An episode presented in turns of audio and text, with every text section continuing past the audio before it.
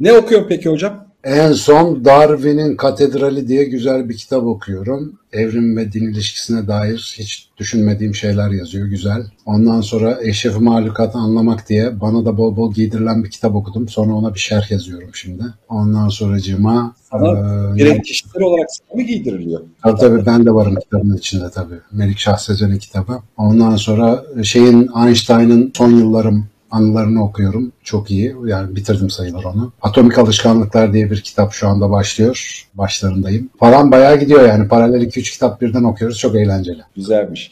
Sevgili hocam yani hani bu biraz eski bir deyimdir ama şu ölmeden önce hayatımız gözümüzün önünden bir film şeridi gibi geçer diye bir analoji yaparlar. Hani bir hikayesi vardır. Bunun bir gerçekliği olmadığını biliyoruz ama yani insanların ölüm öncesi ölüm anı deneyimleriyle alakalı çalışan bir sürü spesifik adam var ve oradan çıkmış böyle de hikayeler var. Sen gerçekten trajik bir kaza ve riskli bir kazaya atlattın ve hani bilinçlilik seviyesi de yüksek olan bir adam olarak seninle kazanmasında ilk belki biz de yüz yüze geliyoruz. O birkaç saniyeyi kaza olurken ki birkaç saniyeyi gerçekten hatırlıyor musun? Ya da zihnindeki yer aldığı şeyi. Sonrasında bir süre azıcık canın da yanarak yerde kaldığını da biliyorum şeyde yani bir, bir süre kadar. İnsan ne düşünüyor öyle bir anda? Ne neler geçiyor aklında? Allah! Valla şimdi doğru bir kere. Şimdi hayatın film şeridi gibi gözümün önünden geçiyor dedikleri şey aslında film şeridi gibi geçmiyor ama zihnin o sırada olası bir çalışma moduna dair öneriler var. İnsanlar bunu hep anlatmışlar ama bir kaza yaşamadan onun ne demek olduğunu yıllarca anlatsan da anlayamıyormuşsun. Onu tekrar anladım. Ben daha önce bir iki tane kaza geçirmiştim ama hiç ölüme bu kadar yakın olmamıştım mesela. Ha, bu arada hani özet olarak kazanın nasıl olduğunu önce bir söyleyeyim. Bütün motosikletçilerin hemen hemen en büyük risk altında olduğu bir durum benim de başıma geldi. Aniden sağa dönmeye karar veren bir araba orada benim olduğumu bilmediği için zank diye bana vurdu ve motor devrildi. Ben motorun üstünden uçtum. Biraz da süratimiz vardı yani 70-80 kilometre gibi bir süratle olunca bu kaza. Tabii ki tedbirsiz olduğum için ayağımda korumalı pantolonlar olmadığı için üstümde mont kask vardı ama bir hayli büyük hasarlı olabilecek bir şeyi çok ucuz atlattım. Yani çok sert bir kazaydı. Fakat şimdi geriye dönük olarak bakınca özellikle ertesi gün hastanede bunun muhabbetini yapmıştık. Yaklaşık galiba 5 saniye süren bir olaydan bahsediyoruz. Yani araba sana çarpıyor, motorun dengesi kayboluyor, uçuyorsun, yola düşüyorsun, bir süre sürüklenip duruyorsun. Yaklaşık 1-1,5 dakika gibi hatırladığım bir süreç o. Yani çok uzunmuş gibi geliyor bir kere insana. Çünkü bunun temel bir nedeni var. Tehlike anında beyin alarm moduna geçerek olası bütün olasılıkları değerlendirip de bir kurtuluş yolu bulabilmek için bu telefonlarımızdaki ağır çekim modu var ya orada malum saniyede 25 kare kaydederken 125 kareye çıkıyor kayıt hızı. Kayıt hızı fazla olduğu için geriye dönük hatırladığında orada çok uzun süreli veri varmış gibi geliyor normal hayatına oranla. Biz normalde günlük hayatta daha az bir örneklemeyle kaydediyoruz. O kadar çok şükür heyecanlı olmadığı için hayatın geri kalanı. Dolayısıyla şimdi o bir buçuk dakikalık süreç içerisinde yani sanal bir buçuk dakika içerisinde şeyi çok iyi hatırlıyorum. Motora araba vurduğu anda ben bir anda o denge kaybında hadi lan benim de mi başıma geliyor düşüncesi ilk aklıma gelen düşünce oldu. Bir anda bütün o izlediğim videolar, eğitimlerdeki anlatılanlar falan hepsi tır tır tır tır çok hızlı kafamdan geçti. Zafer Akçay'ı ismen hatırladım bu arada. Zafer Akçay bunu çok anlatır internet videolarında. İşte oradan bir araba muhakkak döner sağdan gitmeyin diye devamlı anlatır adam. Ben de 200 kere izledim o videoları. Lan hay Allah bu benim de mi başıma geldi diye düşündüm hatırlıyorum. Arabanın üstünden uçarak yola vurmam bir saniye bile sürmemiştir muhtemelen ama o süreç içerisinde demek ki böyle ölünüyor. Mesela ölmek ne kadar kolaymış onu uzun uzun düşünebildiğimi hatırlıyorum. Yani o uçuş Peki içerisinde. o korku hissi mesela korktun hiç, mu ya da? Hiç korku hissi yok. Yalnız şöyle büyük bir merak hissiyatı var. Yani şu anda bir şey oldu ve bunun ucu belirsiz. Acaba nereye gidiyor? Çünkü korku için sanıyorum bir biyokimyasal reaksiyon dizisi gerekiyor ve ona vakit yok zaten. Yani o reaksiyonun bedenine yansıması için zaten vaktin yok. Şaşalak bir vaziyette bakıyorsun ne oluyor diye. Ve asfalta vurduğum anda Interstellar filminde seyrettiğim bir sahne aklıma geldi. Çünkü çocuklarımı düşündüm hemen. Yani asfalta o kadar sert vurdum ki işte omuzum kırıldı zaten o vuruş neticesinde. Orada şey diyordu yani insan ölürken çocukları aklına gelirmiş falan diye en son. Çünkü genetik mirasın onlarda falan gibi bir hikaye var orada. Yere düştüğüm anda hemen onlar aklıma geldi. Onlar aklıma geldiği için dedim ki demek ölüyorum yani. Öldüğü zaman insanın aklına gelir diye filmden hatırlayacağımı düşünebilecek kadar da lucid vaziyetteyim yani. Bu arada asfaltta sürünüyorum. Böyle bir sürünme başladı. Fakat sürünme dediğim gibi maksimum 1-2 saniye sürmüştür. Uçuşan taşlar, asfaltın o tırtıklı yapısı, etraftan geçen arabalar, bulutların şekli. Her şeyi o kadar net hatırlıyorum ki yani toz, duman, etrafımda olan her şey. Kaskımın yanağıma yaptığı baskı ve kenardan hafif döndüğü için kask onun dokusunu bile hatırlıyorum. Yani çok net böyle görüntüler var aklımda ve kesintisiz. Kaydım bir süre sonra durdum. Bir süre sonra dediğim işte 2 saniye içerisinde. Sonra dedim ki acaba ölür müyüm ben bu şeyden sonra? Hemen o geldiğini hatırlıyorum. Sonra bir nefes alırken ciğerim battı. Tabii tıbbi bilgi devreye girdi. Ulan kesin kaburga kırıldı, ciğere battı, pneumotoraks olduk, ciğer söndü. Şimdi burada yavaş yavaş boğularak ölebilirim falan bu geliyor aklıma. Hala korku telaş yok. Sonra baktım yok bir iki nefes aldım ciğer sönmesine benzemiyor. Ondan sonra biraz kafamı oynattım. Çünkü en tehlikeli şey boyuna hasar gelmesi. Kafam oynuyor hafiften problem yok. Belimi salladım orada da bir sıkıntı yok. Sonra hemen aklıma şey geldi. Acaba ayağa kalkabilir miyim? Ölmeyeceğimi anladım artık o süreç sonunda. Sol bacağıma baktım domates rendesi kıvamında büyük bir yara var baştan aşağı asfaltta rendelenmişiz. Ondan sonra dedim ki yok deri yarası bundan bir şey olmaz. Bacağımı hareket ettirdim oynuyor. Sağ bacağıma baktım. Bu arada bunların hepsi yine bir saniye içinde olan şeyler onu tekrar söyleyeyim. Sağ bacağımı oynatmaya kalktım. Baktım dizimin altında bir diz daha var. Yani bacağın alt kısmında bir böyle kırıklık var. Dedim aman ı-ı, burada bir sıkıntı var gibi. Ondan sonra şeyi hatırlıyorum. Normal çözünürlüğe geçtiğimi yani artık tamam yaralı olarak bir kazadan çıktığımı fark ettim. Henüz ölmediğimi anladım. Yavaş yavaş telaş gelmeye başladı. Yani acaba bir iç kanamam var mı, bilmem neyim var mı? İşte o biyokimyasal sistemin devreye girmesi. Fakat burada esas senin açtığın konu itibariyle o ilk saniyeler var ya, şeye benzettim kendimi daha sonra bu Jill Bolte Taylor'la bir yayın yapmıştık biz. O da inme geçiren bir nörobilimciydi.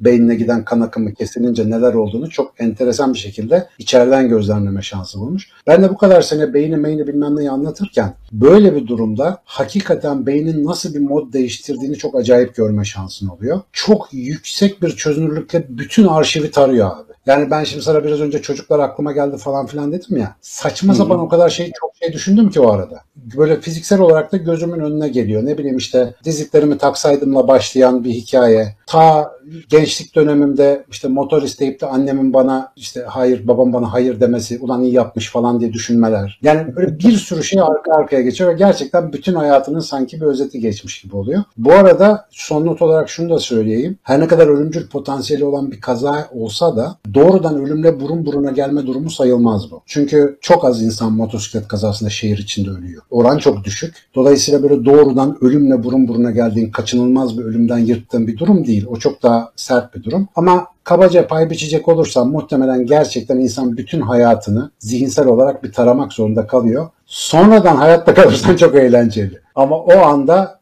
daha sonrasında panik yapan bir şey. Yani kafanın tekrar gerçek hayata sabitlenmesi biraz zaman alıyor. Onu da sağını solunu kırdıysan acılar sağlıyor zaten. Acı seni bu ana çekiyor çünkü. Çok canım yandı benim kazadan sonra bir 40 dakika ambulans bekledik yolda. E bu arada bir şey daha söylemek istiyorum. O konu çok önemli. 30 tane civarında motorcu durdu etrafımızda. Bir tanesi geldi Hurşit diye bir arkadaş bu videoyu izlerse ona selam ediyorum. Hemen arkama diz çöktü. Dizlerini yasladı. Dedi ki abi yastan sakın, sakın kımıldama dedi. Uzun uzun konuşuyor. Ben de bak motorcuyum. Ben de geçen düştüm böyle sabit yattım falan filan. Aman boyuna dikkat et bilmem ne anlatıyor. Bir başka motorcu arkadaş motorumu aldı geldi eşimi aradı. Şöyle böyle. Bir anda ortalık imece usulü bir yardımlaşma mekanına döndü. Sahra çadırı kurdular oraya iki dakikada. O yüzden hepsine tek tek teşekkür ediyorum. Bu dayanışmada ayrıca harika bir deneyimdi yani. Onu yaşamak da çok güzeldi. Evet evet motor kullandığım bir 3-5 yıl içerisinde benim de birkaç defa tanık olduğum bir şeydir. İnsan kendini çok iyi hissediyor. Yani çevrende seninle benzer kültüre sahip insanlar birdenbire ortaya çıkıyorlar. Ve ne kadar çok aslında ne kadar çokmuşuz duygusu da oluşuyor başka Aynen. bir kafada. Haklısın. Ha bu arada uçarken, uçarken bir şey daha oldu. Yani böyle bir YouTube programında bu kazayı anlatırsam ne anlatacağımı bile düşündüm. Yani uçarken, havadayken orada düşündüm yani. Ne kadar içli dışlı olduysak bu meseleyle düşünsene. Ve şey yani hakikaten motorculara, şoförlere de bir şey söylemek lazım diye uçuyorum ben yani. Ya böyle olmaz abi. Bu ölünmez yani falan diye böyle sinirim bozuldu anlatabiliyor muyum? Çok basit bir şeydi çünkü. Bu da adrenalin mi? Yani ne neden oluyor? Bu yüksek seviyede birçok şeyi aynı anda. Mesela bunu niye normal hayatta yapamıyoruz da öyle bir anda oluyor? Şimdi bunu aslında yapılabilen yerler var. Mesela yüksek yoğunluklu meditasyon ya da hipnotik durumlarda benzer şeyler oluşturabiliyorsun zihinde ama normal şartlarda şimdi bizim stres tepkisinin saniyeler içerisinde, dakikalar içerisinde, günler içerisinde ve yıllar içerisinde etki eden bileşenleri var. Mesela saniyeler içerisinde etki edeni sinirsel olanı. Mesela bir yılan görüyorsun, bir tehlike görüyorsun. Hemen işte amigdala coşuyor, sinyali basıyor. Bedensel refleksler, kas refleksleri oluşturmak üzere çok hızlı bir reaksiyon silsilesi başlıyor. O kısım düşünceye yer yok orada. Mesela fobisi olanlarda bu çok çılgınca hareketlere sebep oluyor falan ya. Daha algılayamadan karşısında ne olduğunu insan bir harekete geçiyor. Bu hızlı sinirsel kısmı. Orada görsel, işte denge sisteminden gelen özellikle o bir anda dengenin bozulması, uçmanın falan getirdiği alaşağı olma hali, fiziksel acı bunların hepsi bir anda hani nasıl sobaya değince elini aniden çekiyorsun gibi. Bunların hepsi birleşiyor. Tehlikenin ve acının boyutlarına bağlı olarak sinirsel reaksiyonda şiddeti belirleniyor zaten. O anlık refleks, sinirsel olan saniyelik kısım senin zaten bütün işte bu zihinsel arşivlerin açılması, çare bulunması falan filan gibi acil eylem planlarının hepsini devreye sokuyor. Biraz önce şeyi özellikle söyledim. Mesela bir korku panik hissetmiyorsun, hissedemiyorsun. Çünkü korku panik dakikalar içerisinde olan bir şey. Hipotalamusa gidecek, işte hormonu salgılayacak, böbrek üstü bezlerinden adrenalin, kortizol bilmem ne salgılanacak. Adrenalin biraz daha hızlı olan dakikalar içerisinde. Bu yarım saatlik dönemde de kortizol hormonu etki ediyor. Mesela benim onlar yerde yatarken gelmeye başladı. Hafif bir çarpıntı tuttu falan. Ulan milletin de başına bela olduk düşünceleri falan gelmeye başladı. Onlar sonradan devreye giriyor. Ama bu sinirsel tepkinin hızı aslında işte doğada belki de bizi en çok hayatta tutan şey. Yani aslan kovalarken, uçurumdan düşme riski yaşarken bir anda o hani filmlerde vardır ya biraz abartıldır ama adam böyle yardan uçarken şılak diye bir dala tutunu verir mesela. Hiçbir şehirle o kadar çevik değil ama yani onu yapabilmemizi sağlayan o ani sinirsel refleks düşünmüyorsun bile. O sırada senin için çözüm bulmaya çalışan çılgın bir sistem var. Ama tabii mesela fobi falan durumlarında bu hayatı kötüleştirebiliyor. Aşırı korku tepkisine neden olduğu için bir taraftan. Bu tarz böyle hayatımızda ani ve kritik bir şey olduğunda bunun içerisinde bazen boşanmalar, evlilikler ya da işte ne bileyim iş değiştirmeler bilmem neler de var. Büyük kritik kazalar da var. Yani hayatta planladığımız şeyin dışında sert bir şeyle karşılaştığımızda hayattaki önceliklendirme sistemimiz değişiyor ya. Bunu hep bu arada çok anlamlı bulurum. Yani hatta şeyin şakasını yapardım. Yani 35'inden sonra herkes bir defa bunu yaşayıp tekrar bir kendini çek etmeli. Yani sert bir şeyle karşılaşıp, sert bir koşulla karşılaşıp. Sen Sende böyle bir önceliklendirme değişikliği hayatla alakalı yeniden bir okuma ya da bazı şeyleri fark etme oldu mu? Olmuştur diye tahmin ediyorum şeyde. Kesinlikle hep oluyor. Biliyorsun ben kaos sever bir adamım. Yani ağzımdan düşmüyor. Biraz evvel de hangi kitapları okuyorsun diye sormuştum. Bir yaratıcılık imkanı olarak Kaos diye esas kitap okuyorum. Şimdi sonlarına yaklaştım. Ömer Faruk imzalı. Sanıyorum ayrıntı yayınlarının kurucularındanmış. Ben ilk defa okuyorum kitabını. Başka kitapları da var. Gerçekten sert bir metin, güzel bir metin ve tam üstüne güzel denk geldi. Yani sert metin dediğim bütün böyle yerleşik insanlar şöyle yapmalı, evlenmeli, barklanmalı, vatanına işte sadık olmalı, işte bayrak, millet, vatan falan onların hepsini giydiren bir kitap. Yani bireysel olarak hayat hayatta biraz böyle bilinmeze atlamanın, bu grupların dışında kalmanın,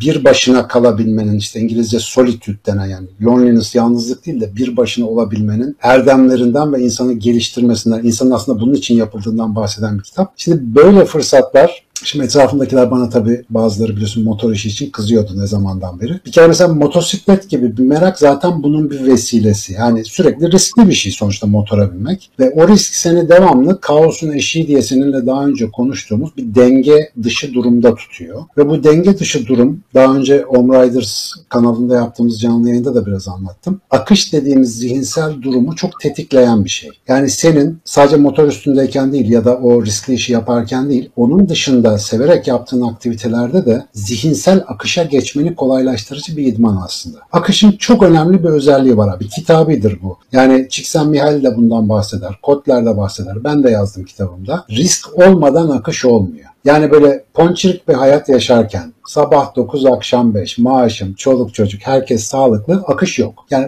böyle bir şey değil bu. Çünkü insan imkansızı becermek için tasarlanmış bir canlı olduğu için karşısına bir meydan okuma ve bu meydan okumada bir risk, riskle çıkmak zorunda. Az ya da çok. Riskin büyüklüğüne bağlı olarak da akış deneyimi ve zihinsel verimlilik artıyor. Şimdi bunun için illa ölümcül risklere atlamaya gerek yok. Mesela benim en büyük hatam bu kazada tedbirsiz olmamdı. Mesela korumalı pantolonumu giymemiştim. O çok büyük bir hata. Affedilmez bir hata. Çok şükür affettiler beni öyle diyeyim. Bir şekilde Allah korudu. Buradan sağ salim çıktık. Hani o temel önlemleri aldıktan sonra riski hayatla bağdaşır bir yerde tuttuktan sonra riskli şeyler yapmak bize hep iyi geliyor. Özellikle bu risksiz hayat tercihleri insanların birbirleriyle aynılaşmasına ve belli bir rutin kalıp içerisinde maalesef işte o konfor alanına hapsolmalarına sebep oluyor. Bu da bizim varsa bir potansiyelimiz onu bulmamıza mani oluyor. Yani bir şekilde hayat öyle rutin yaşayıp gidiyor. 60 sene sonra diyoruz ki ulan be işte 10 sene gibi geçti falan. Yani böyle söylememizin biraz sebebi de o. Şimdi mesela demiyorum ki her gün insanlar ölüm tehlikesi geçirsin. İnşallah böyle bir şey olmasın ama o senin sorduğun o sert durumdaki algı genişlemesini hayatta faydalı bir şeye dönüştürmek mümkün. Yani sizi uyanık tutacak farklılıkların, ortam değişikliklerinin, meşgale değişikliklerinin, yeni beceri, dil öğrenmelerin vesairenin böyle bir etkisi var. Ve zihni diri tutan şey temelde bu.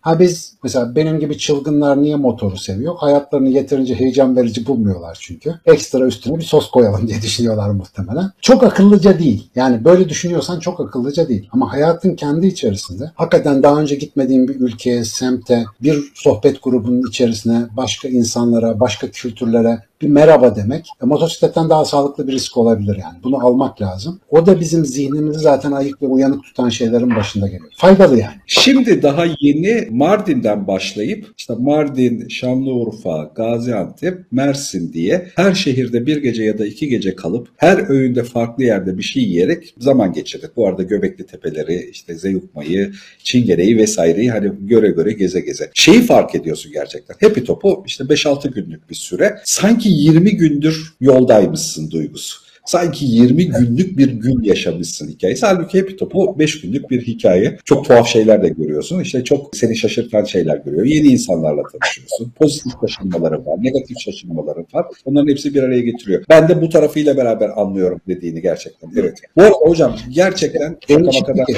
değişik bir şey olduğu zaman uyanıyorsun abi. Yani uykudan evet. bizi uyandıran bile değişikliktir. Dikkat et. Yani uykuda dış uyaran olmasa bir şey. Ama biri Pep dedi mi, Mustafa diye seslendi mi falan tık diye uykudan uyanıyorsun. Hayat da böyle. Yani rutin halinde beyin uyku modunda gibi. Ama sen bir geziye çıktığında işte hani malak gibi yatmak için değil de hakikaten bir şeyler görmek. Hatta azıcık rahatını bozup şöyle biraz yapmadığın bir şeyleri yapmak için bir şeylere niyet ettiğin zaman yaşamaya başlıyorsun abi işte. İşin yani özü bu. Evet. O zaman daha çok şey ya da hatırlamaya başlıyorsun. Gelecek bölümlerin içerisinde şu politik kararları daha detaylıca dinleyeceğim. Hocam bu arada bol bol geçmiş olsun gerçekten. Yani hani az ufak tefek bir şey. Ee, çok şükür yani çok hızlı iyileşiyorum hamdolsun. Dediğim gibi çok ağır bir şeydi ucuz atlattık. İnşallah buradan aldığımız deneyimle daha akıllı bir hayat süreriz öyle diyelim.